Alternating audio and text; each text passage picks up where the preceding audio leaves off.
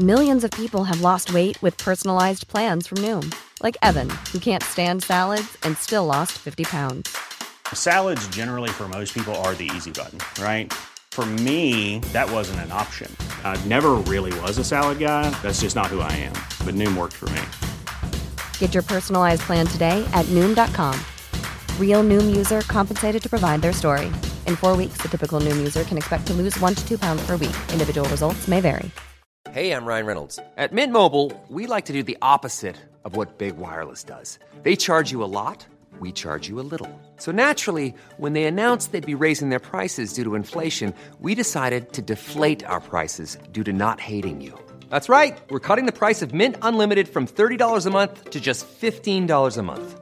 Give it a try at mintmobile.com slash switch. $45 upfront for three months plus taxes and fees. Promo for new customers for limited time. Unlimited more than 40 gigabytes per month. Slows. Full terms at mintmobile.com. What a wonderful Da er vi i gang. Og dag, Hans Olav, i dag, det er jo vanligvis du som tar introene, eh, men, eh, men i dag er det jeg som får lov til det. Og det er fordi at jeg føler jeg bringer til, eh, til torgs en hedersgjest, i hvert fall i, i, i mine øyne, og fra mitt liv. Og han som um, Jeg har et spesielt forhold til dagens gjest. Fyren heter Per Øyvind Torvik, og han ble jeg kjent med når jeg begynte i Meråker. Og du, Hans Olav, som kjenner meg, vet at jeg har studert i Meråker. De som ikke vet, jeg vet at jeg, etter at jeg var ferdig med videregående, så flytta jeg til Meråker. Og jeg har aldri vært mer usikker på om det var riktig eh, valg eller ikke når jeg kom opp dit. Men jeg har aldri vært tryggere når jeg reiste herfra for at faen, det der var fornuftig. Og mye av grunnen til at de årene der ble bra, var pga. en mann som heter Per Øyvind Torvik, som er Eh, han var lærer, han var trener, men han var mer enn det. Han ble en slags sånn mentor for meg og for veldig mange av mine medstudenter her oppe, rundt liksom det å ja, rett og slett, jeg, lærte meg hva som skal til for å få til noe. Det lærte jeg meg der oppe. Eh, og mye av det, Prøven, det, det, det, tilskriver jeg eh, din ære. Det skal du vite. Um, du har jo Du jobber fortsatt på høyskolen i um, i Levanger, da, som da har med avdeling i, i, i Meråker. Men du har jo vært med du har jo vært med på landslaget. Du har vært eh, teknikktrener på, på landslaget. Du har jobba med mange ulike eh, utøvere. Du har jobba med utøvere på veldig høyt nivå, men du har også jobba med mange ungdommer på generelt nivå. Eh, bredde. Og eh, dagens tema, da, den, det, er, det er altså egentlig en sånn jeg vil si det er et minefelt. Vi skal snakke om spesialisering. Spesialisering i ung alder, og, og på en måte fordeler og ulemper ved det. da, eh, Basert på våre erfaringer og vårt perspektiv på det. Eh, en ære at du har tid til å bli med i poden, Per Øyvind. Velkommen. Takk for det, og takk for en veldig fin introduksjon, Øystein. Jeg, eh, jeg mener det. Jeg gjør det, altså. Det er um ja, det er, noe, det er noe fint med å kunne si det høyt òg, Jeg har jo sagt det der før, men det å kunne si det høyt, det, det, betyr litt for meg. Da. Jeg er ærlig på det at uh, Meråker er Nå kommer du til å legge meg for hat, da, men det er jo i utgangspunktet et høl.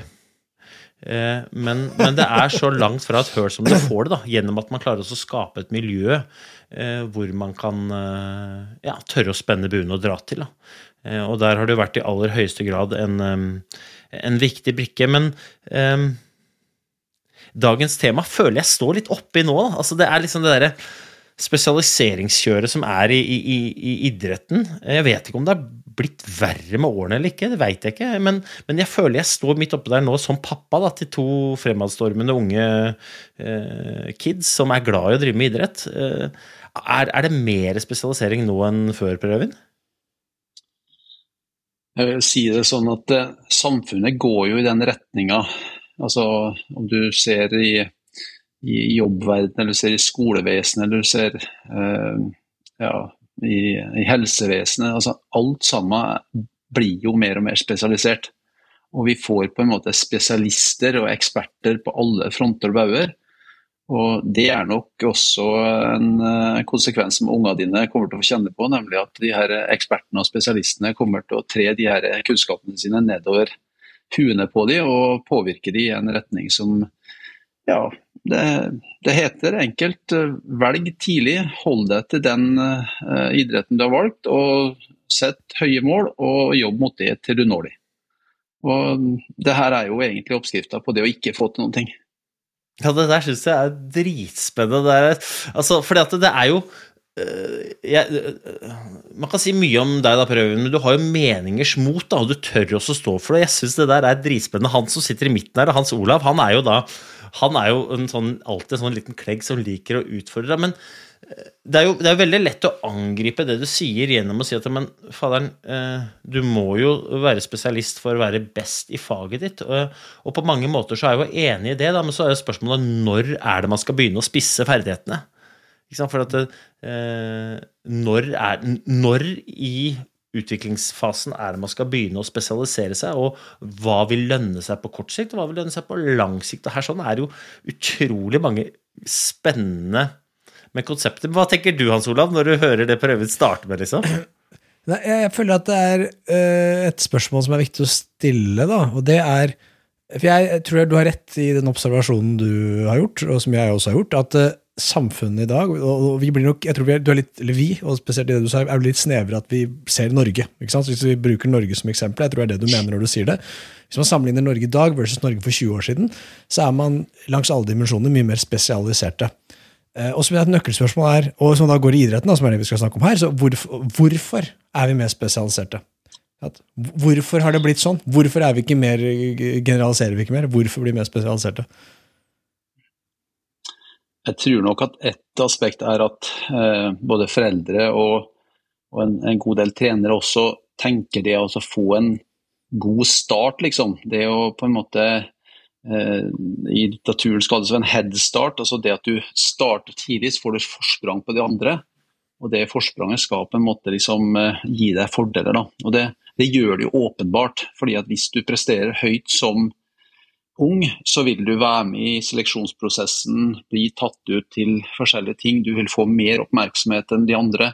Du vil på en måte få eh, ja, mange tilsynelatende goder. Da. Du, du, får en enklere vei fram. Men det er liksom det som er en del av hovedproblemet, at jo enklere veien fram blir, jo eh, dårligere eh, robustert er du for å tåle når det kommer den motgangen, eller det kommer den skaden, eller kommer den her, eh, motivasjonssvikten, eller hva jeg skal kalle det. Altså, når alt sammen kostes unna altså, Jeg eh, kan dra eksempler Liksom, hvis du tar en seks måneder gammel baby da, og lærer han å, å, gå, altså du trener gå med han, så vil han lære det i løpet av tre måneder. Eh, men når, når, folk er to år, så, eller unge er to år, så går alle, alle tatt deg igjen allikevel. Og det her ser vi jo eh, overalt ellers. Da. Og når, når, vi da tenker oss hva var da vitsen når alle går når det er to år allikevel, Eh, så kan du også stille spørsmål hva, hva, det, hva, hva taper du på veien, eh, eller hva tjener du på veien. Ok, du går raskere, men hva har du missa på veien? da? Jo, f.eks. det å krabbe, det å rulle, det å falle, ikke minst. Det å streve, det å gjøre ting for å oppnå noen ting. Finne ut av ting sjøl. Altså, men når du da har blitt lært å gå, så har du mista alle de tinga rundt det. Og Det er jo en spesialisering. Det her er jo ikke noe som et, et rigid eksempel, det her er ting som skjer. Altså, folk uh, går med ungene sine fordi at de skal være uh, flinke og vise at ungen min er uh, framfødt eller fløt, eller hva vi skal kalle det. Og, men så, hva skjer da når vi skal begynne å løpe som treåringer, tror du? Altså, da har jo de ikke bevegelsesferdigheter, de har ikke altså, bredde i bevegelsesmønsteret som gjør at de er i stand til å kunne løpe. De må bli lært å løpe også. Og sånn mm. fortsetter det hele veien. Liksom sånn, du, du, lærer de at de må ha backing, de må ha støtte. De, de utfordrer ikke noen ting sjøl. Grunnen til at jeg utfordrer det, da, det er at jeg tror grunnen til at vi er mer spesialiserte nå, er at konkurranse altså, hva, er det, hva er målet med å drive med idrett? da? Det er jo på en måte i sin For veldig mange så er målet å drive med idrett å vinne. Og så kan du jo si at det, Jeg skjønner at man kan si at nei, men målet bør være å være fysisk fastring og ha det gøy. Og sånn, og, og, da legger man til side på en måte medaljer og alle sånne sosiale spill. Men alle Øystein han holder på, alle som går på med rocker, de går der av én grunn. Det er at de har lyst til å bli best i verden, de har lyst konkurrere internasjonalt. Og det tror jeg veldig mange barn også ønsker å ha uttalt målet om. Jeg vil våge å påstå at Norge hevder seg bedre enn noen gang de, i internasjonal konkurranse. Ikke bare i ski. Grunnen til at vi var så forbaska gode i ski, og fortsatt er det, er fordi vi spesialiserer veldig tidlig. Og det vi har gjort i mange år. Det er en av de få idrettene vi har spesialisert oss veldig tidlig. Se på eh, fotball, løping, eh, alle, eh, hekkeløp, sprint, alle mulige andre idretter hvor vi aldri har vært i nærheten av å hevde oss før. Fordi vi har ikke drevet og spesialisert der. Vi har drevet med, mitt, mitt, mitt inntrykk, jeg ser litt utenfra, vi har drevet veldig sånn generalistisk. Så har vi ikke vært best, da. Men så kommer det en fyr som, som Gjert Ingebrigtsen og sier nettopp det rakt motsatte av deg. Han sier at vi må spesialisere. Det eneste, Hvorfor er Jakob Ingebrigtsen best å løpe? Nei, for Han begynte å løpe han var, han, fra han var, ble født omtrent. så skulle han løpe. Hvorfor er ikke Henrik Ingebrigtsen like god? Nei, Han drev med ski og surra rundt de første ti åra. Jakob Ingebrigtsen spesialiserte seg fra dag én. Og, og det å spesialisere seg på å løpe er jo ikke nødvendigvis kun å løpe, må gjøre noen andre ting òg.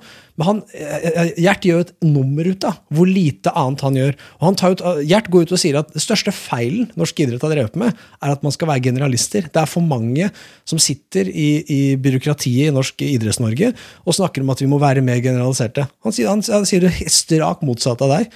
Og så kan du si at det er, dette er sånne anekdotiske poenger, at han har fått det fordi han har unike gener og sånn, men han ser på disse andre kidsa som Gjert Ingebrigtsen har fått fram, med den måten å trene på som han gjør.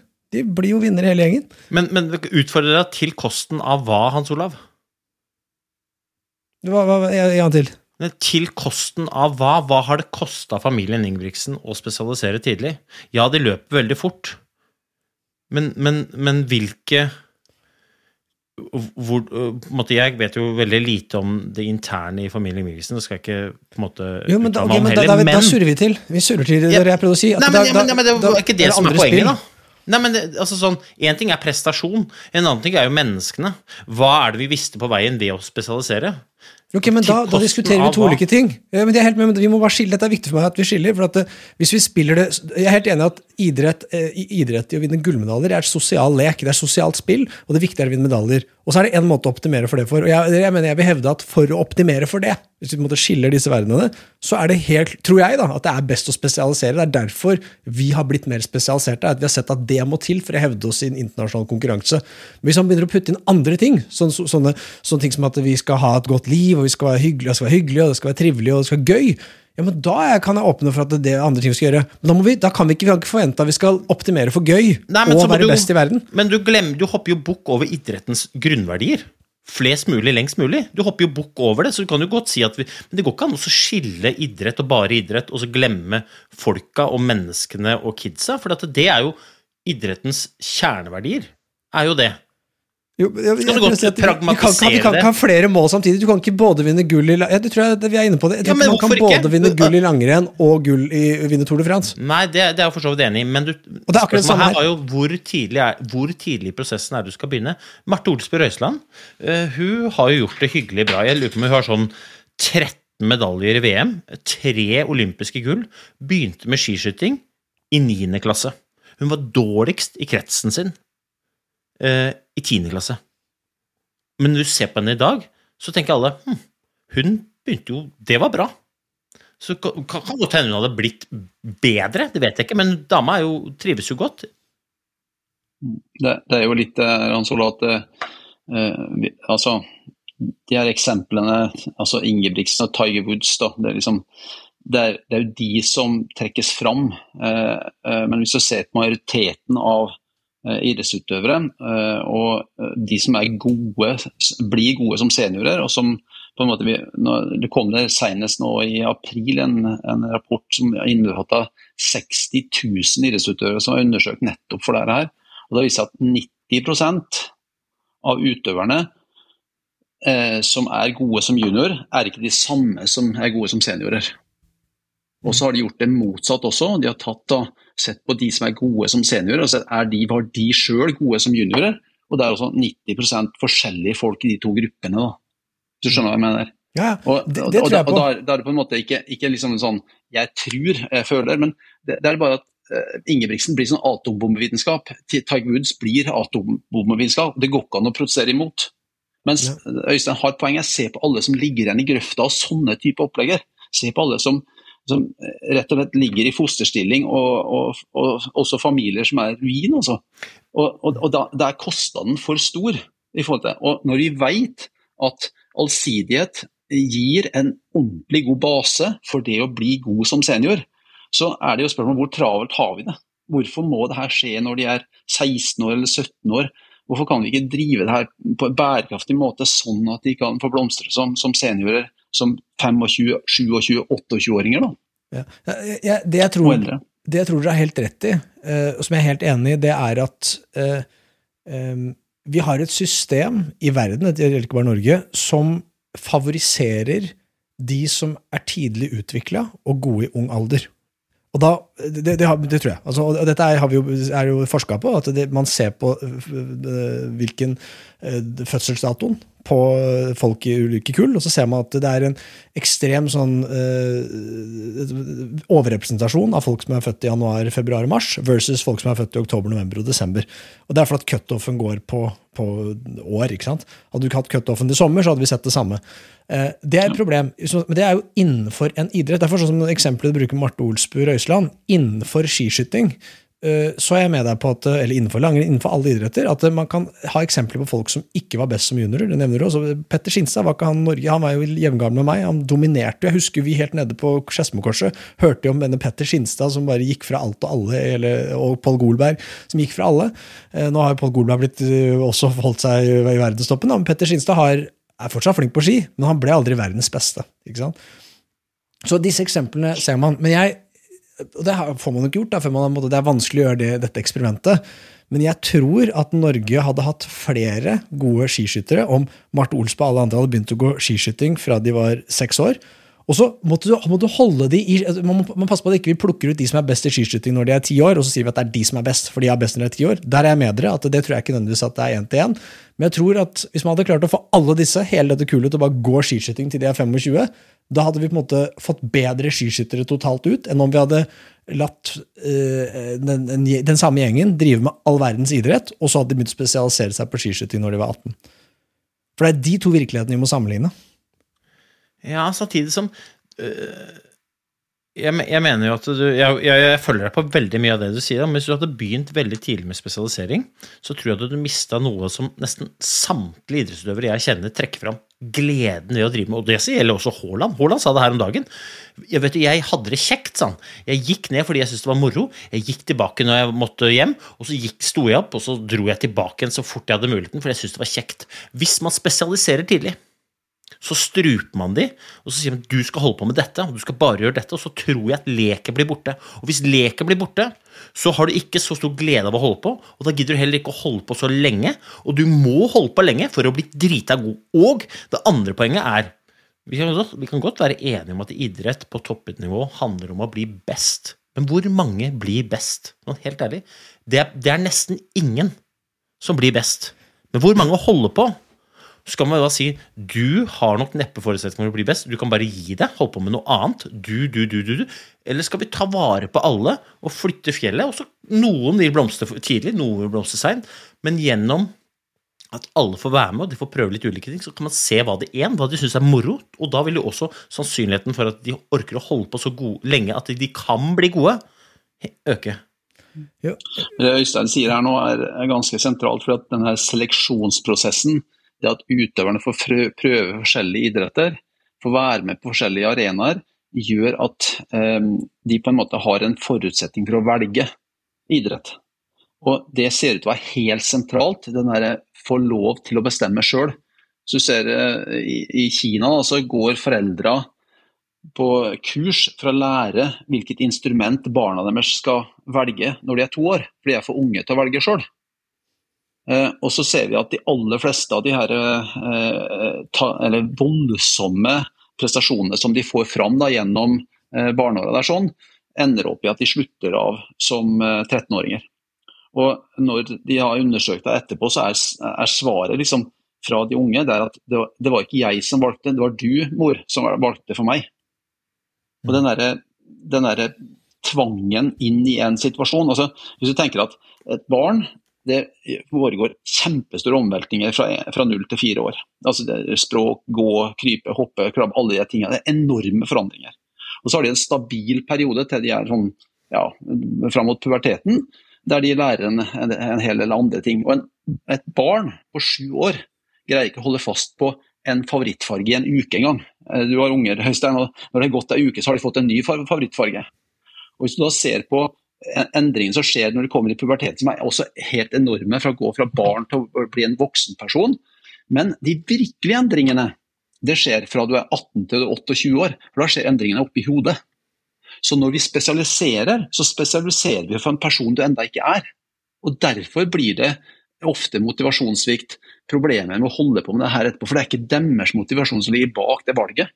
Det er fordi at I, i Meråker så er det ikke ishockey. Det det er rammebetingelsene er sånn som bestemmer hva, hva du kan, kan velge. Eh, Foreldrene dine er interessert i et eller annet, og de pen, pensler i en eller annen retning. Trenerkompetansen ligger på det området, og det drar deg i den retninga.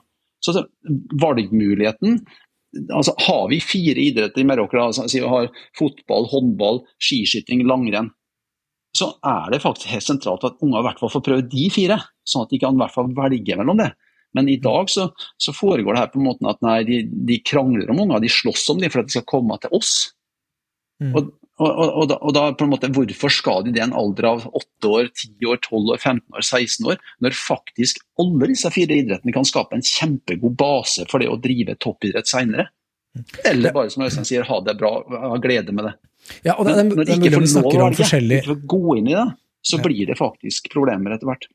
Jeg, jeg er selvfølgelig helt enig med dere. Det er mulig, at vi snakker forbi hverandre. for at eh, jeg, tror, jeg tror ikke Jeg vil ikke bare si at det er vanskelig å lage verdens, eh, altså verdens beste utøvere hvis, hvis de ikke har indre motivasjon. Jeg vil si det er umulig. Du bruker Haaland som et eksempel. Ja, jeg mener eksempelet er kjempegodt. Haaland han eh, elska det. Han var kjempekjekt. Han, altså, han, han er best i verden, og er, som er helt sjukt. Han er norsk, best i verden, skårer flere mål enn noen andre.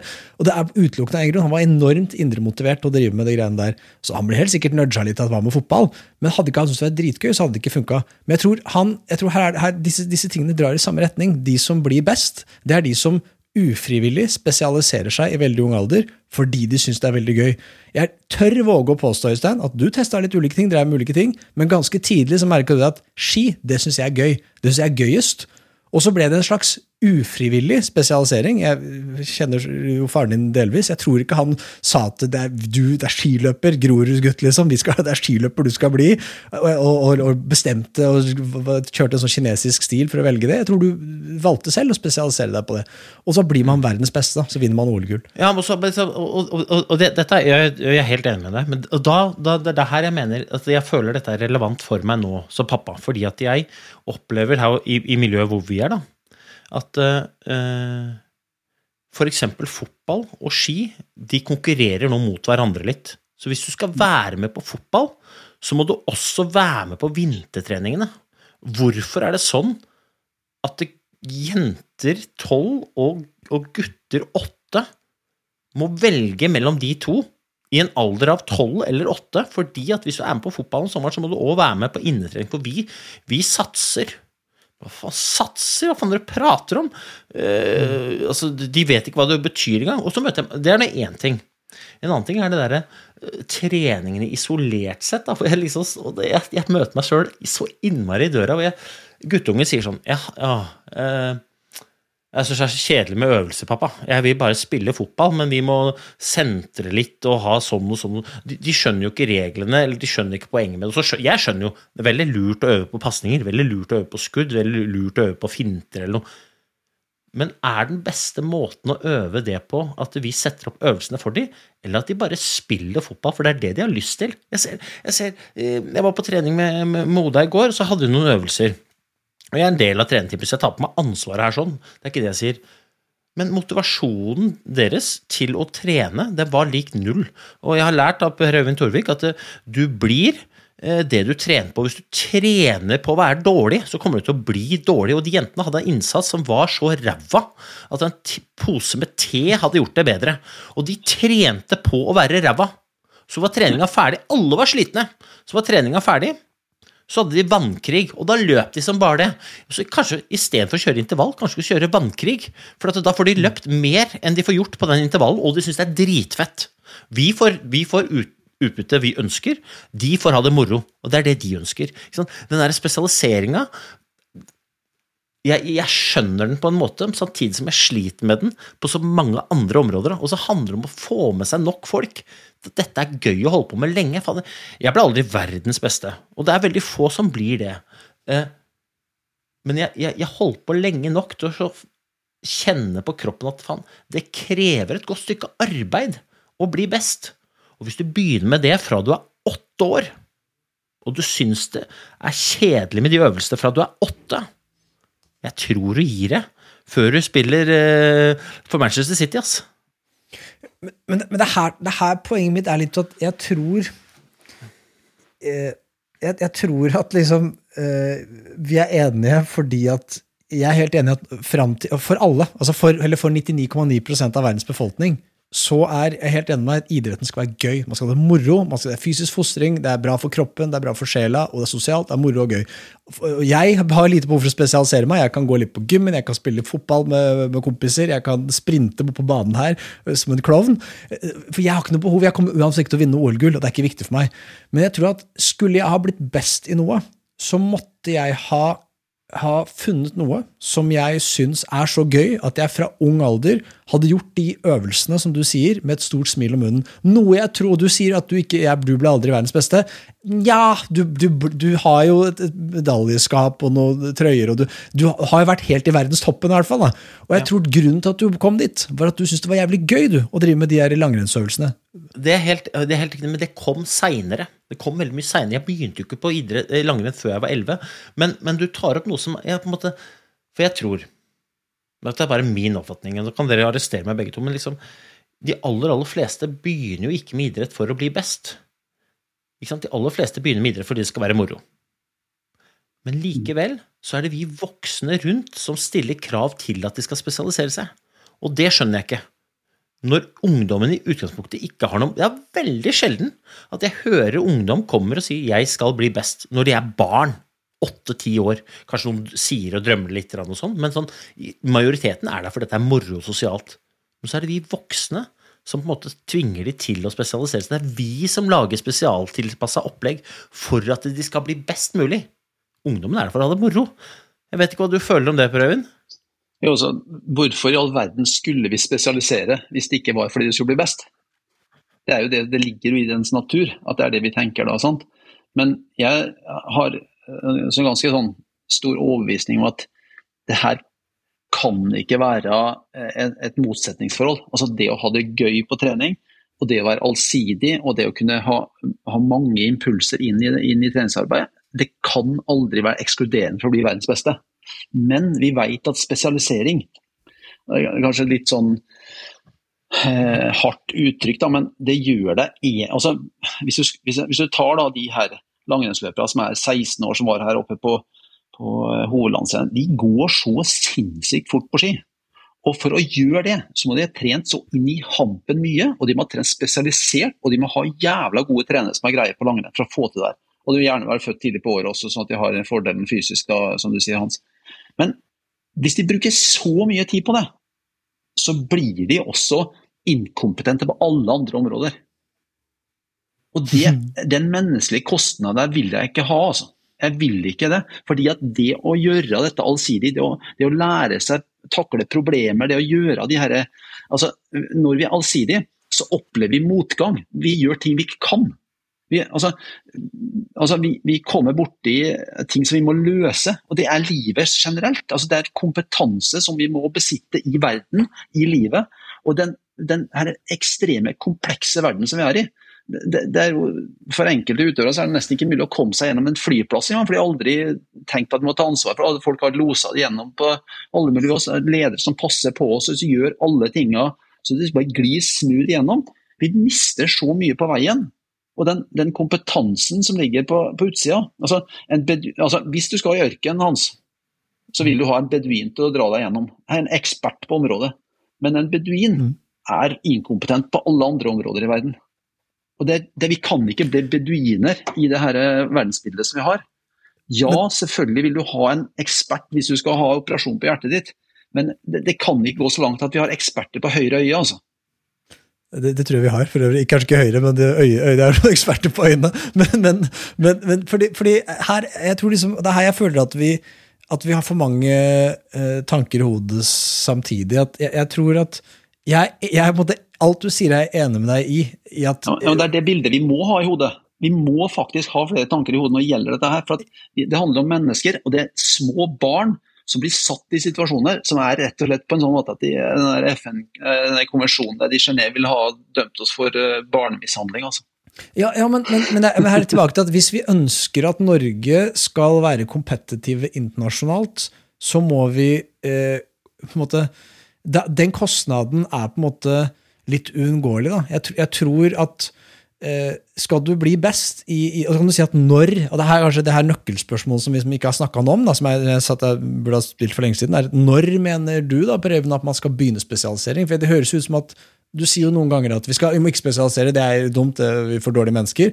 Samtidig sier du på den andre siden at skal vi bli best i verden, så må du spesialisere. Du har jo selv vært lærer på. Meråker, eh, hvor, hvor det er relativt unge folk som kommer inn der.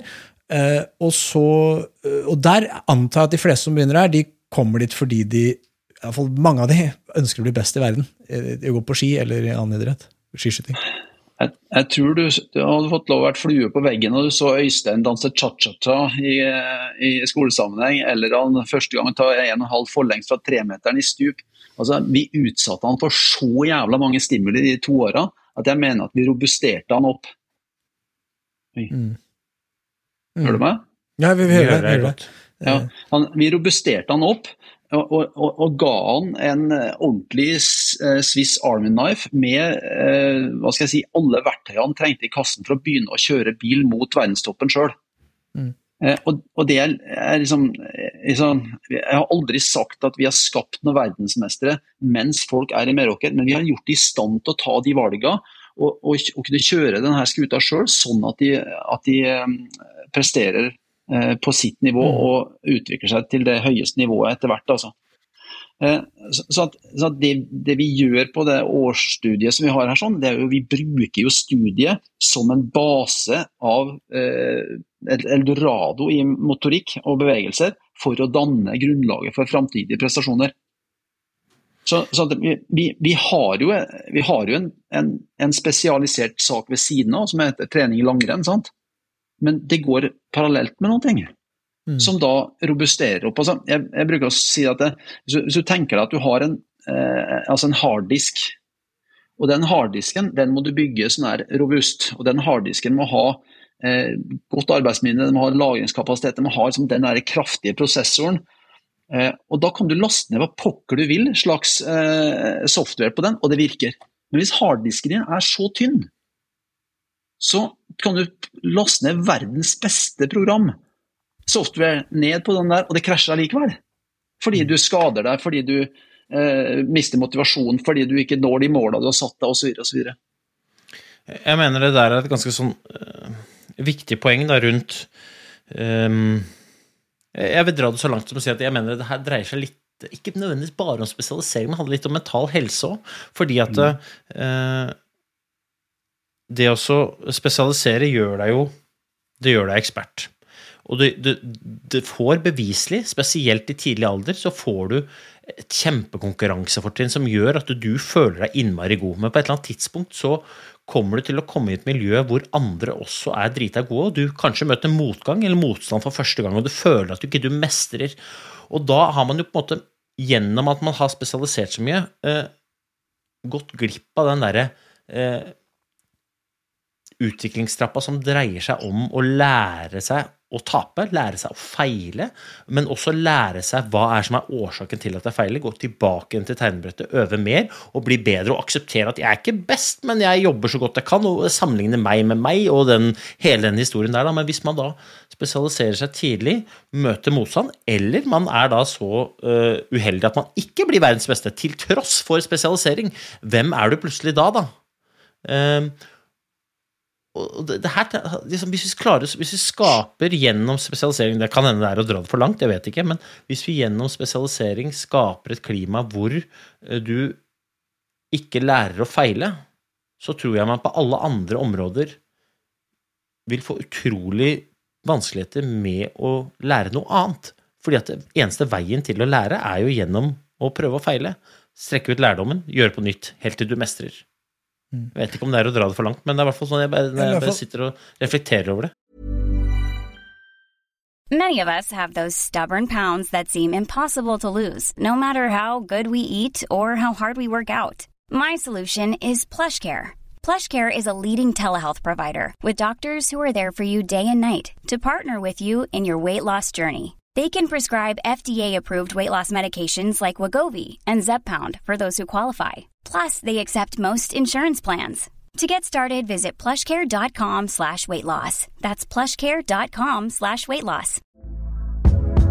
Hey there, it's Michelle Norris. I'm host of a podcast called Your Mama's Kitchen. When I travel, I'm usually looking for a way to find a taste of home when I'm not at home. And one of the things I love to do when I am at home is entertain. And Airbnb allows me to do that. When I was in California recently, I rented a house that had a great kitchen. And when we were sitting around the table, we we're all thinking, we're in someone else's house. Someone could be in all of our homes as well. If you have a home, but you're not always at home, you have an Airbnb. Your home might be worth more than you think. Find out how much at airbnb.com/slash host. Det jeg er enig med dere i, eh, og så er jeg kanskje mer pessimistisk på synet på at det er litt en sånn uunngåelig kostnad dersom vi skal være en nasjon som hevder oss mot verden. Men det er at vi, ikke bare innenfor idrett, men innenfor alle enere, innenfor kultur, da, altså om det er musikk eller idrett eller hva enn det er, eh, er så ekstremt spesialiserte og ekstremt endimensjonale. Altså Kanye West han er, jeg tror han, han er sinnssykt god på sine ting, og han er beviselig ekstremt dårlig på alt annet. Eh, jeg, jeg tror at Nå har ikke jeg vært på, på innsiden av Haaland-gjengen, men jeg gjetter på at hvis du hadde liksom gitt uh, droppa Haaland aleine uten penger i New York City og sagt 'overleve i tre dager', så hadde han syntes det vært litt vanskelig. Ja, hvor er agenten min, og hvor er Fordi at eh, han er ekstremt spesialisert. da. Eh, så man blir ekstremt endimensjonal, og kostnaden vi som samfunn må ta da, hvis man begynner med spesialisering man et, Jeg tror det gjelder liksom uavhengig av når man begynner med det, for jeg tror, jeg tror veldig mange av de som blir best, de har en sånn ufrivillig spesialisering, som jeg sa med deg, Justein, Og jeg tror at veldig mange av eh, som for det er helt riktig at si det er uh, 100 stykker som spesialiserer seg, eller 400-500, vet ikke hvor mange det er i Norge innenfor langrenn bare, som, som alle trener like mye, alle spesialiserer seg like mye, men så vet vi at det er ikke plass til mer enn åtte stykk på det landslaget, da. eller ti, eller hva det tallet er nå. Eh, så vil per definisjon de 390 eller 490 eller hvor mange det er, andre, eh, føle seg som tapere og måtte ut i samfunnet og skulle omskolere seg, og gjøre andre ting. Eh, og så er de veldig dårlig rusta for den omskoleringen, fordi de er ikke flerdimensjonale mennesker som har skjønt at min verdi som menneske er ikke kun knyttet til hva jeg presterer i skiløypa. For de har, de, har, de har nok da tenkt at min verdi i skolegården og i samfunnet den handler om at jeg er best på ski. For jeg var jo best på Skedsmokorset, og så var jeg best i kretsen, og så var jeg ganske god på nasjonalt nivå, men jeg var ikke best, jeg var ikke god nok til landslag. Og det, da tror jeg du snakker om mental helse, de tror jeg får seg en knekk. da. De er i hvert fall in for a hell of a ride. Eh, og, så, så, og ja, hvordan man skal liksom, men er, her er kanskje, Jeg liksom, liksom har sånn, sånn misantropisk syn på det, men jeg, jeg, jeg sliter med å se hvordan måte, det, det at det er 500 folk som ønsker å bli best i, i Norge, eller bli best i verden, i Norge, altså fra Norge, det er det som gjør at vi vinner alt. Vi vinner rubb og stubb. Fordi det er 500 stykker som er villige til å spesialisere seg. Ikke fordi det blir tvunget av noen foreldre, tror jeg, fordi de har dritlyst sjæl. Men, men hva med Karsten Warholm?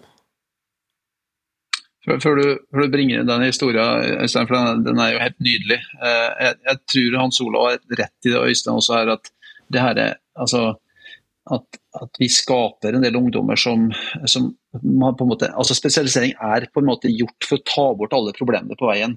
Og den, den, eh, altså den økende eh, men, altså problemene med mental helse som du kjenner godt Øystein, blant unge i Norge, og den, den øker fort. og Jeg tror at mye av greia ligger her, at vi måler verdien vår i det vi satser på. Og akkurat som du sier, Hans Olav, så, så, så får de seg en knekk frampå der, og det, og det går i bøtta litt for hardt, syns jeg. da. Det, det, altså, så, så, det trengs liksom en, gjøres en jobb her sånn for å bestere disse ung, ungdommene. Eh, og så er det jo tilbake liksom, til, til, det temaet her, da, sånn, før vi går på varerommet. Altså, altså, jeg sa innledningsvis at det, det, er ikke de samme som presterer som juniorer, det, det er, som er gode som seniorer. Som er, som, og som vinner medaljen. Det er ikke de samme. Hvorfor er det ikke det, tror du? Det, Hæ? Hvorfor er det ikke det, tror du?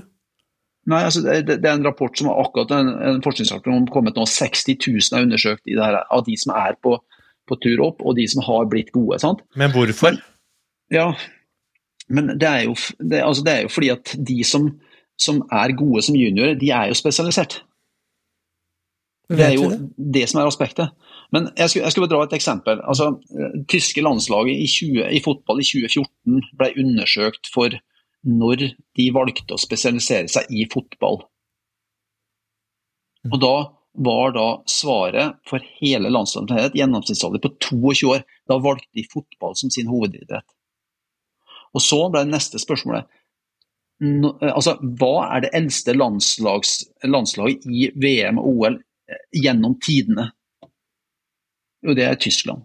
Hva er det mestvinnende landslaget i fotball da? Mm. gjennom tidene? Det er også Tyskland. Mm. Og det, og det er en idrett vi i Norge driver spesialisering ned i, i, i seksårsalderen. Jeg var på et, et, um, en eh, sak i Bodø der Øystein skulle vært med også.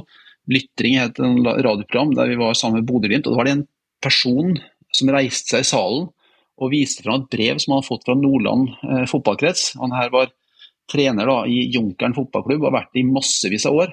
Og han har fått beskjed om at, fra Nordland fotballkrets at nå må han dele opp åtteårslagene. Han hadde 40 åtteåringer, han må opp det i fire lag, to gode og to dårlige, sånn at de her fikk gode nok matching. Det, han sa at hvis det er måten vi skal drive på, så slutter jeg som fotballtrener. Da vil jeg ikke være med. Han sendte brev tilbake til kretsen, og så kom det tilbake til kretsen. Å, det har blitt en feil. Nei, det var fra ni år vi skulle gjøre det der. Ikke sant? Og da, og da, og da nå, når, når, tar jeg fotball her, jeg kunne like godt peke på ski. For vi gjør det samme der også. Og vi, og vi, vi, vi spesialtrener, og vi, vi, vi opplever her på, på Meråker videregående et stort antall som ikke er i stand til å trene. Fordi de blir fort skada, de blir syke, det blir ditt og det blir datt. Sånn at de får ikke ut potensialet sitt fordi de ikke tåler den treninga som vi tror at de skal greie som 16-åringer. Og så tror jeg vi, vi foreldre òg, vi er med på på en måte dytte yeah. den spesialiseringa, fordi at vi, vi sier til ungdommene det viktigste er å delta. Og så uansett hvilken idrett det er, når ungene kommer tilbake igjen fra det de har deltatt på, så er vi fremme med en gang. Hvordan gikk det? Hvor mange mål skåra du? Og, så, og det er bare, vi, vi er jo oppriktig nysgjerrig. Hvordan gikk det? Men vi kan ikke stille et spørsmål om noe annet enn resultat? Fordi at det dytter, jo, det dytter jo ungene i retning av spesialisering. Det er viktig at jeg går fort, for at det syns mamma eller pappa er bra. Men på vei ut av døra så sier vi ha det moro, eh, det viktigste er å delta. Ikke sant? Da er det den holdninga. Det er aldri sånn det viktigste er å vinne, kompis, kjør på. Men så når de kommer tilbake igjen, så er det de spør... Og det her kan jeg ta meg selv i, ass. For det Marco El Safadi han er fantastisk på akkurat dette. Hvis dere er nysgjerrige på det, så lytt til Marco El Safadi. Han sier sånn Du må stille andre spørsmål. Hva gjorde du for at lagkompisene dine hadde det ålreit? Eh, Hvor mange pasninger sendte du til Vemund? Eh, det, bare, det er helt andre spørsmål. Ja, var det gøy? Resultatet, Var det gøy, er det som resultatet får du vite. Ja, ja, resultatet får du vite. Resultatet får du vite, men vi er så sjukt trigga på Og dette er jo samfunnet. Vi er jo, hva, hva ble resultatet? Hva ble det tida av det, liksom? Det er det første man spør om. Samtlige. Ja. Bestemor, bestefar, mormor, morfar. Alle spør om det. Det viktigste er å delta. Hva ble tida? Så hva faen? Hva mener du? du? ser jo, ser jo sånn som jeg jobber på universitetet, sant? så har vi eh, læringsutbyttebeskrivelser og læringsutbyttemål. Og det har medført liksom at vi snevrer inn undervisninga vår, sånn at vi svarer opp det målet. Mens alle de tinga som blir rundt, som jeg også gjerne skulle ha formidla, det blir ikke gjort fordi at ja, vi skjærer ned budsjettene også. Så det, det, er ikke, det er ikke timer til å gjøre noen ting enn å nå de måla. Og det, det, det er utdanningssystemene blir sånn. Altså. Vi blir bare mer og mer eh, spissa, og det er oppskrifta på eh, det motsatte av læring. Ja, og så er det òg Ikke tid til å repetere engang. Nei, og ref, ref det vi prata om liksom rundt det liksom sammenligningssamfunnet, eller det måle hverandre på, ytre ting, og på resultatfokus. Så, eh, vi har jo skapt et, et samfunn hvor veldig mange går rundt og føler seg ikke gode nok. Og det er jo ikke så innmari rart, for de får jo resultater på det hver eneste dag, på at de ikke er gode nok. Og så fra hjemme så hører vi 'du er god nok som du er'. Men det første vi hører når du kommer hjem, 'hvordan gikk det?' Og så, og så, det er jo måling hele tiden. Er det ikke det, Hans Olav? Uh, jo, uh, mulig at Jeg vil gjerne høre den der Warholm-anekdoten før vi glemmer det, men, men uh... Jeg, jeg, kommer til den. ja, ja, ja, ja. Men, men, Altså, altså, du nevnte i stad at liksom, de som er blitt gode, de, de har liksom det her som fokusområde. Ja visst har de det. Eh, Men hvis du ser på gode bedriftsledere, gode musikere, om det er eh, fantastiske kunstnere Det er fryktelig få. Det er sånn Undersøkelser har vist at det er veldig få av de som bare kan én ting. De er, de er faktisk bedriftsledere gode på mange ting i tillegg. Og så har de frimerkesamling, de har en hobby. Eh, Jeg skal ikke si hvem som sa det, men en av de mest eh, profilerte bristlederne bedriftslederne i verden han sa at når han satt i jobbintervju, så sa han ehm, Har du en hobby? Og Hvis de ikke hadde en hobby, så fikk de ikke jobb. For at Jeg har nok av de sånn, som sitter nerdete og ser ned i PC-en sin og gjør sin jobb, og det gjør de jævlig bra. Men jeg trenger folk som har en hobby, som kan ta med seg noe utenfra inn til oss. Som kommer med nye perspektiver, som kan bygge opp eh, et, et annet system enn bare det snevre. Fordi verden er så kompleks. Ja, ja, og her, her er det, vi er tilbake til og da, kom, da kommer du til varene, da. Ja. Tikjemper. Kommer fra Dimna idrettslag. Jeg, skulle, jeg, kunne, jeg kunne skrytt Dimna idrettslag opp i skyene, men jeg veit ikke så forbaska mye om akkurat hva de gjør. Men jeg ser at de har idrettsutøvere på alle nivåer, fra Vårdalen i toppen til nederst på resultatlisten i lokale sånne, eh, ikke kretsstevner men sånne lokale stevner i, i Ålesund. Og, og, og, de har foreldre som stiller opp, og de har trenere som, som ofrer seg. De driver dugnadsarbeid. Og, og Varholm oppå det hele, hva er det han reklamerer for, da? Pante flasker! det er ikke noe hårkrem eller noe bil, det er panteflasker! Så der kommer han til uttrykk med et litt større perspektiv enn akkurat det å bare være best. Mm. Det er best å pante, da. Altså, det, det, det, det er så vakkert. Pante flasker, liksom! Men der kan vi jo skyte inn at um, var det, eh, det var i helga, da var det 1500 meter, eller det var friidrettsevne på Moelven. Ja. Da dukka Henrik Ingebrigtsen opp, og han løp den 1500-meteren. Jeg vet ikke tiden. 3000 slang sprang han, og så Ja, var det 3000, ja. Og broren så- sprang 1500. Ja, ok. Og så uh, Henrik er jo helt rå på å prate med kidsa, prate med ungdommen, signere tjoai, men så, etter at han var ferdig med det, så gikk han bort til 1500-meterstarten for gutter 15-16 år. Så stelte han seg opp, og så løp han harde sammen med de gutta, og mens han løp så motiverte han de, og ga han de instrukser på hva de skulle gjøre. Og det er sånn, eh, Jeg er jo enig i at eh, Karsten Warholm fortjener all hyllest, men dæven, eh, familien Ingebrigtsen gjør det, de også, selv om jeg, jeg utenfra tenker noen ganger at om de føler at det var verdt det eller ikke. Ref. Spesialisering. Men begge er utrolig gode forbilder, det er jeg enig i. Men eh, det, det jeg kanskje mener her, da Og jeg føler fortsatt ikke Kanskje vi tar det først, da. Før liksom oppsummering av mye om dette temaet. Men, men jeg er nysgjerrig på når mener du, prøven? For det er jo interessant. Jeg, jeg ser jo dette helt utenfra. Jeg er virkelig en lekmann. Du har jo sett, du har fulgt og sett så mange eh, enormt gode utøvere komme gjennom deg. Så du, du, du sitter på en helt annen eh, nærhet til det. Men jeg er interessert i liksom at, gitt det du har sett, da, hva, når mener du? For det virker som at det er ingen tvil om at man må begynne å spesialisere på et eller annet tidspunkt. Og det gjelder Marte Olsbø òg. På et eller annet tidspunkt må du spesialisere om du skal bli best i verden. Og når? Jeg ville veldig gjerne hatt igjennom en sånn eh, samplingperiode, eller en periode der jeg fikk prøvd forskjellige ting først. Eh, vi, vi, har, vi har Fra musikken så har vi eh, eh, Veldig mange av de beste musikerne har prøvd forskjellige ting før de kommer til, eh, til sitt instrument. da. Eh, og, så, og Det ser vi også på, eh, på mange av de som har blitt gode her, herifra. Jeg satt litt og kikka på, på en forelesning jeg skal ha i morgen. og, og da, da Når jeg ser på Tora Berge, for eksempel, så har hun drevet med ja, friluftsliv på en litt røff måte. Hun har drevet med friidrett, skiskyting og langrenn. Altså. Så, men kanskje er det liksom, veldig sånn utholdenhetsprega det hun gjorde gjennom det her, men, eh, og holdt seg innafor utholdenhetsidrettene sånn. Det var ikke noe ballspill, eller sånn, men allikevel så er det en ganske brei base som hun har bygd opp gjennom jakt og friluftsliv og, og det aspektet. Og så har du da de utholdenhetsidrettene hvor. Hva hun gjorde i friidrett enn bare å løpe, det vet jeg ikke, men, men i hvert fall så, så Det er liksom den mest spesialiserte utøveren jeg kjenner til, liksom, av de som, som, som jeg, jeg har da vært borti. Men de aller fleste av de andre dreiv nok med eh, tre, fire, fem, seks forskjellige idretter inntil de kom til, eh, til, til Meråker. da. Og så er det flere som ønsker å holde på med, med sine, altså idrett nummer to gjennom eh, videregående. Og så kommer da spesialiseringa en av plassen eh, der. Men den er gradvis mer og mer mot det de, de syns de syns er gøy, det de lykkes med, det er det de får til, på en måte. Men vi har jo en Roger Federer da, som eh, ekstremt Jeg tror ti forskjellige idretter nekta å spille tennis fordi mora var tennisinstruktør. Og så, så, kommer da tennis da i en alder av 24 år, liksom. Så jeg mener at det, det er ikke noe eksakt alder, det er muligheter hele veien. Men han har jo bygd opp en enorm base, da. den her harddisken som jeg snakker om. Som da, Det er bare å laste ned det programmet du vil. Altså, Boris Becker og, og, Steffi Graf de var jo helt i uh, toppen i tysk friidrett og fotball og, og, og, håndball. og Steffi Graf også. Steffi Graf sprang 1500 meter med, med, de beste utøverne um, i Tyskland.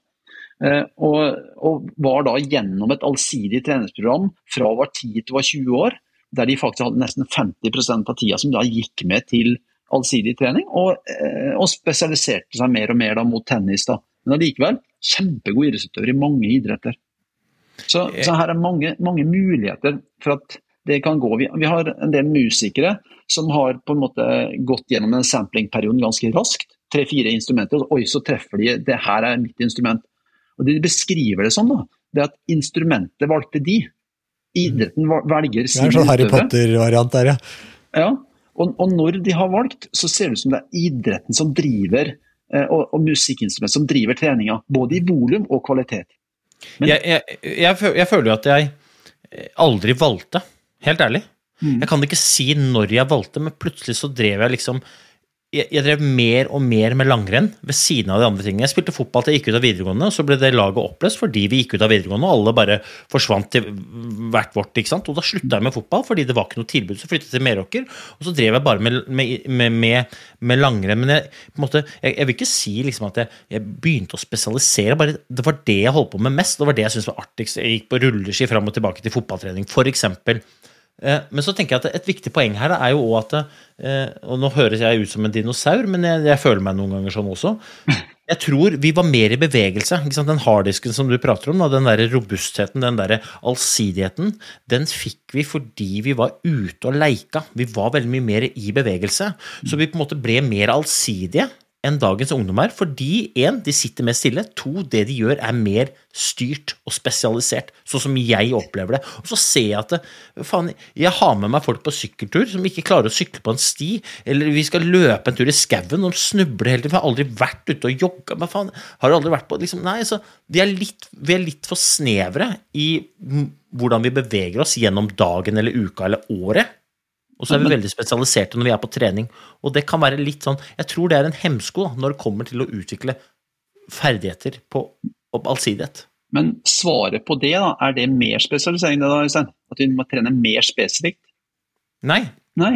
mener, det, er igjen, det er derfor jeg mener at dette er så relevant for meg. For det er der jeg mener at vi må styre enda mindre av ungenes trening, slik at de kan få gjøre det de syns er moro. For da vil de gjøre veldig mye av det, og da vil de bli gode. Mm. Istedenfor at vi skal ha Nå skal vi ha pasningsøvelser.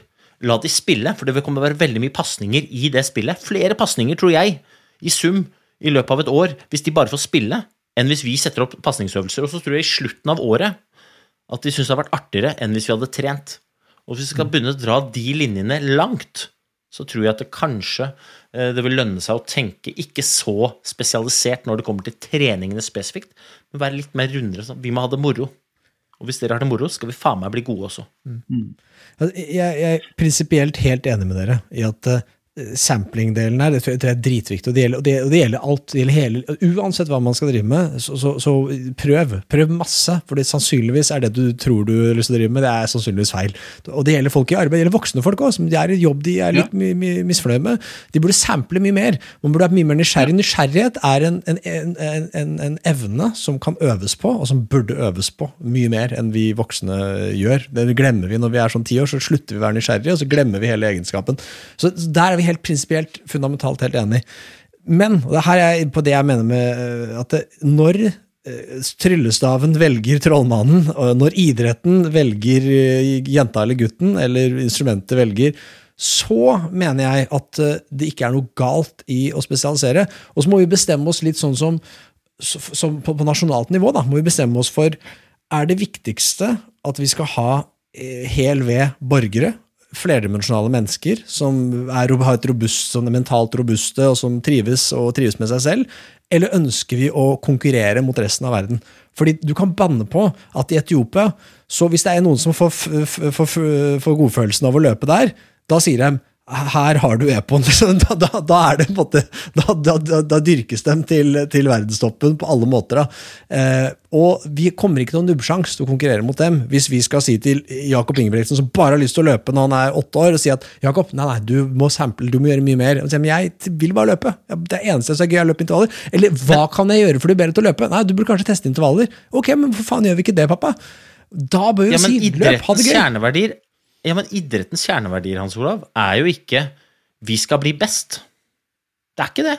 Ja, men da må vi som nasjon kjerneverdi. Da, da tror jeg vi må Da må vi Nei, idrett, norske idrettsmodell Nei, nå, nå er det nå er det, det her med riv ruskende uenig. Idretten, Norges idretts kjerneverdier, det handler om, grovt sett, flest mulig, lengst mulig. Og den modellen har beviselig gjort Norge drita gode i veldig mange idretter. Kanskje hadde vi blitt bedre og spesialisert, men da må vi endre kjerneverdiene. Men det Og er det tror jeg kostnaden av vil være mye større enn vi vil juble over de folka som står og vinner gull. Det mener jeg. Men det er ingenting som tyder på at, vi, at spesialisering gir oss noe mer i det lange løp. Det er ikke noen ting som tilsier at altså Spesialisering gir oss noe i øyeblikket, ja. Vi får eh, raskere prestasjonsframgang, men på sikt så ser ikke det ut til å være eh, saken. Og på nytt igjen, 60 000 personer, helt flunka ny artikkel, som da forteller at nei, det er ikke de samme utøverne som er gode som juniorer, som er de beste som seniorer. Det er ikke det. Og det, og det er veldig for at, og det er klart, det, Dette er jo liksom nøkkelspørsmålet som jeg stilte helt til å begynne med. Vi er tilbake der, da, som er hvorfor driver vi med mer spesialisering nå enn før? Og her, så bare for å prøve å oppsummere diskusjonen, så er det sånn Jeg, jeg har ikke peiling. Altså, jeg, jeg, jeg, har, jeg har ikke lest artikkelen du beskriver. Jeg, har null peiling. så Jeg, snakker kun ut ifra bare hva jeg tror. Altså, dette er øh, svakere religion. Altså, det, er bare, bare, det er hva jeg tror, basert på hva jeg observerer. Så tror jeg at grunnen til at vi spesialiserer mer nå, er at vi ser at konkurransen blir, for å bli best i verden blir bare tettere og tettere. Og så, uavhengig av Jeg tror at det er litt ulike mål da man har i idretten. Jeg tror altså, kan godt si at Idrettens kjerneverdier er å bare ha det gøy og moro. Jeg tror at det sitter ganske mange som er opptatt av å levere resultater. Og når vi kommer hjem fra et mesterskap uten nok medaljer, så er det hoder som må gå, og de er redde for jobben sin. Og det gjennomsyrer hele det fuckings systemet. Det tror jeg. Og så ser man at skal vi klare å konkurrere mot Afrika og mot USA og mot Kina, så er vi nødt til å gjøre som de gjør, og de spesialiserer tidligere, og derfor klarer vi nå å konkurrere. Det var det jeg tror. Men jeg er jo åpen for at det kun er at vi tror det er det som må til, og så er det vi Ja, men kan- voksne som ødelegger. Ja, Kan- jeg få bare komme på ett, et, et, et viktig poeng? For at jeg er jo helt enig i alt du sier, bortsett fra at jeg mener at du ikke skal spesialisere. Men, og dette, er, dette påstår jeg, og her er det helt sikkert muligheter til å arrestere meg. Men jeg påstår at de folka som er forkjemper for tidlig spesialisering, aldri vært best sjøl. For da tror jeg at de tenker at det jeg gjorde, var å ikke spesialisere meg tidlig. Ja, jeg påstår at det du ikke gjorde, var at du ikke holdt på nok med mye forskjellig, og så etter hvert bygde den basen og spesialiserte derfra. Jeg tror du bygger et korthus som er dri... Eller du bygger et, et tårn som er kjempesmalt, og som i starten går veldig rett opp. Supert, kjempesmart i begynnelsen, men når det begynner å blåse der oppe, og det kommer det til å gjøre, så er det for vaklevorent, og så faller det. Tidlig spesialisering kan være den, men jeg tenker vi må bygge den basen sånn at det fjellet tåler den vinden som kommer når det kommer vind. Det var et fantastisk bilde som jeg har kosta opp akkurat her nå, men jeg tror Helt ærlig, de folka jeg kjenner som, som har vært best, nå er, nå er de blitt dinosaurer, som meg. Og veldig ofte så har jeg den diskusjonen med de. Det er for tidlig spesialisering. Fy faen, hvor seriøst det er. Det ene og det andre. Og vi står og prater om hvorfor har vi gjort det så alvorlig. Og det er ofte for de andre som ikke har vært der oppe. Ja, det, det der er fascinerende. Det der, det, det, der tror jeg er en ganske god observasjon, som jeg, som jeg tror du kan ha. Og det, jeg er også åpen for at eh, For det skjer jo stadig vekk, at vi som samfunn gjør en del ting fordi vi tror at det er riktig, uten å ha noe empirisk bevis på eller, er Null forskning. Det er, det kun bare at det, det høres logisk ut. For det det, det er det jeg baserer det på. Det høres logisk ut for meg at hvis vi spesialiserer tidlig, så vil vi gjøre de bedre. Og, så, og inntil jeg måte ser noen entydig bevis på det motsatte, så høres det mest logisk ut for meg. Men jeg har jo ingen, det er bare en, en tanker som jeg gjør meg her på, i Lillestrøm. Men det er, jo, det, er jo, det er jo der vi var inne på i stad, det er samfunnsaspektet med at quick fix, liksom. Mm. Den her trauste av historien er ikke like sexy som Ingebrigtsens historie, for å si det sånn. Og, og det, det, det, er ikke, det er mye mer wow å høre om Tiger Woods, liksom den der traurige sveitseren som har svira rundt i alle mulige idretter, og så plutselig kommer på han skal spille tennis, liksom. Altså, det, det er noen ting med det derre tidlig, høytpresterende, eh, genetiske liksom, Det her er talent, liksom, den der eh, greia der. Sånn, det er mye mer det, Altså hva sier om norsk fotball at Rosenborg setter en 16-åring inn på, eh, på førstelaget, liksom? det, det, må jo være noe med de andre spillerne, mener jeg. De, de kan ikke, altså, du er 16 år, så er det god nok for å spille Eliteserien i Norge. Mm. Ja, altså, noen folk er jo helt rå. Klæbo er et eksempel på det. Um, og, og det å være god, det er, det er fullt lovlig. Men jeg tror at for de aller, aller, aller, aller fleste så lønner det seg å bygge den basen da, med ferdigheter. For du kommer til å få bruk for alle de ferdighetene en eller annen gang på veien mot toppen. Og det er noen solskinnshistorier. Det er det, altså. Mm. Men også si at alle kids har godt av å eh, spesialisere, det er det kanskje ingen som gjør, men likevel så har vi skapt det sånn der, det, det spisses, da. Men for, for, å stille et vanskelig spørsmål, for at uh, vi nærmer oss slutten av temaet så er kjempespennende. Dette, dette er dritspennende. Jeg føler det har vært mye, mye, gode, mye gode betraktninger og, og, god kunnskap. Da. Men eh, si at, at For jeg tror, jeg tror, at veldig mye av den, de, som, de som lykkes da, å bli enere, de har ufrivillig altså spesialisert seg. De har spesialisert seg fordi de nettopp har, har, husket på idrettens kjerneverdi om å ha det gøy og moro å være inkluderende. Så, men de elsker bare å spille fotball. I Haalands tilfelle. Mm. Jeg kjenner ikke Haalands ord, men bare forutsatt at han bare har spilt fotball, eh, og kun det. Så, så, tror jeg at eh, skulle man da ha sagt app, app, brems opp her, Erling. Eh, du må jo også gå på ski, og du må jo også spille basket, fordi du, vi må gjøre mye mer. Nei, nei. nei, okay. Nei det, det, det, mener jeg ikke. Da blir han jo endimensjonal. Ja, men, men, hvis du elsker fotball, så mye og finner ut det så tidlig. Ja, men Kjør på, og spill fotball, men vi trenger ikke å styre det.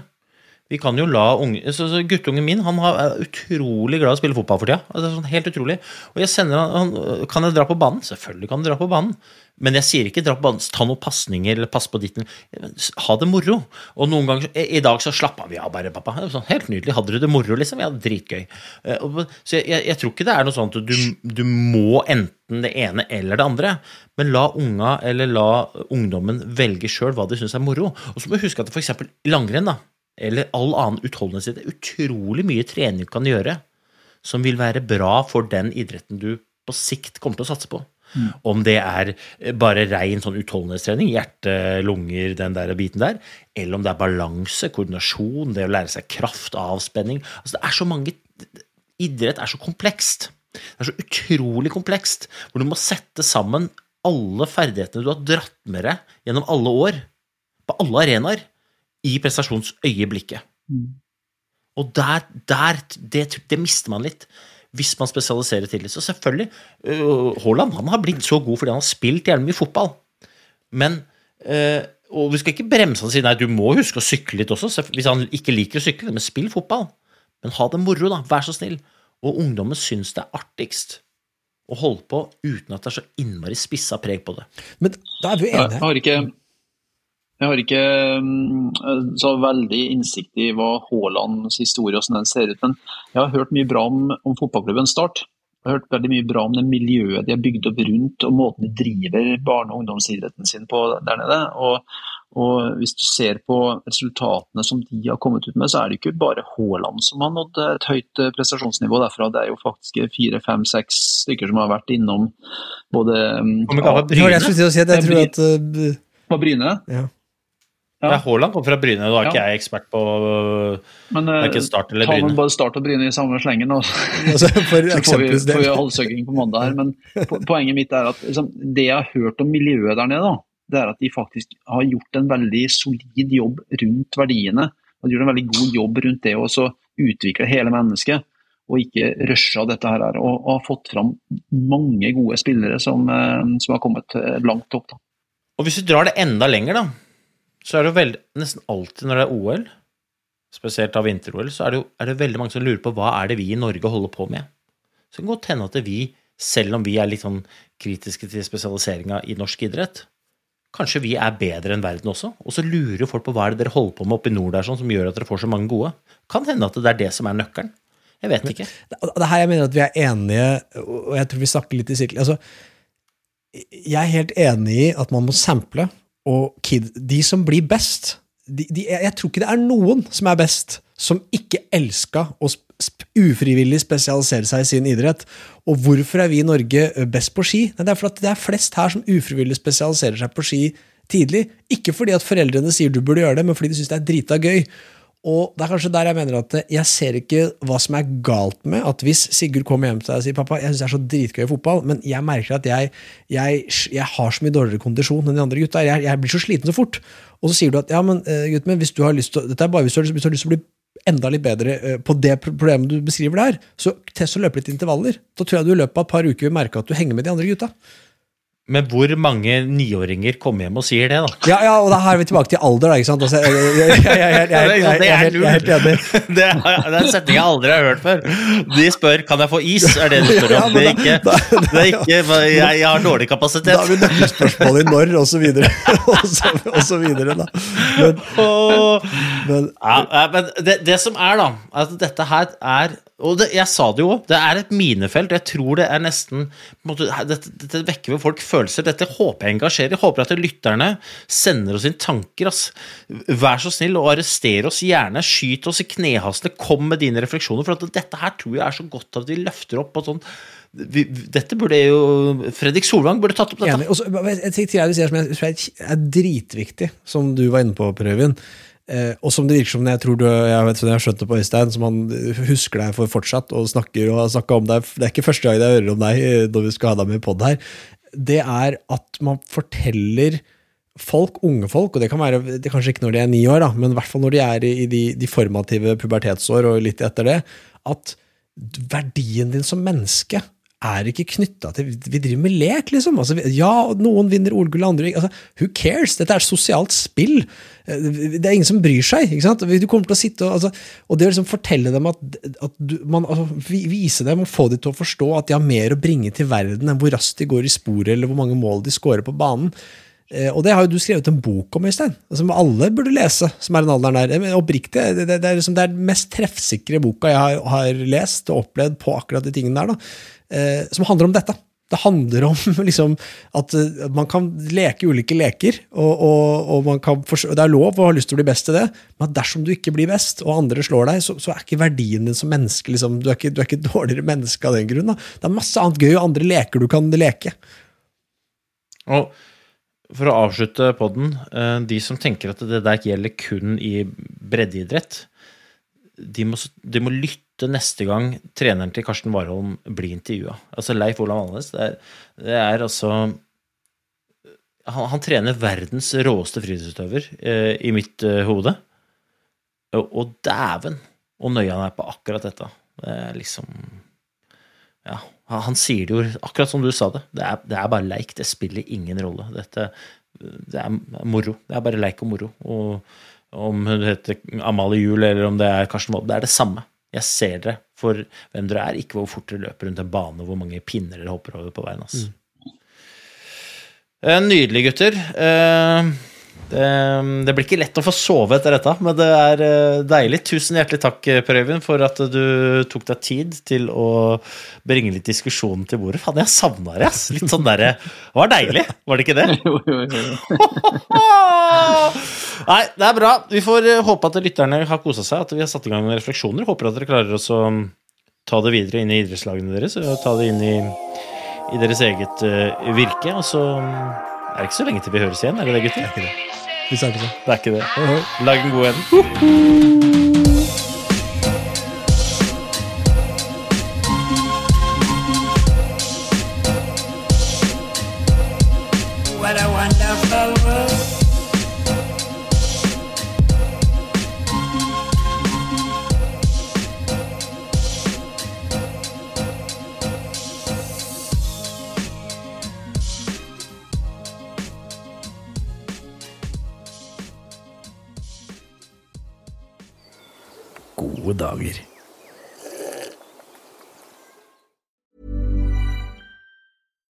It's Paige DeSorbo from Giggly Squad. High quality fashion without the price tag. Say hello to Quince. I'm snagging high-end essentials like cozy cashmere sweaters, sleek leather jackets, fine jewelry, and so much more. With Quince being 50 to 80% less than similar brands. And they partner with factories that prioritize safe, ethical, and responsible manufacturing. I love that. Luxury quality within reach. Go to quince.com slash style to get free shipping and 365 day returns on your next order. Quince.com slash style. Imagine the softest sheets you've ever felt. Now imagine them getting even softer over time. That's what you'll feel with Bowl and Branch's organic cotton sheets. In a recent customer survey, 96% replied that Bowl and Branch sheets get softer with every wash. Start getting your best night's sleep in these sheets that get softer and softer for years to come. Try their sheets with a 30-night guarantee. Plus, get 15% off your first order at bowlandbranch.com. Code BUTTERY. Exclusions apply. See site for details.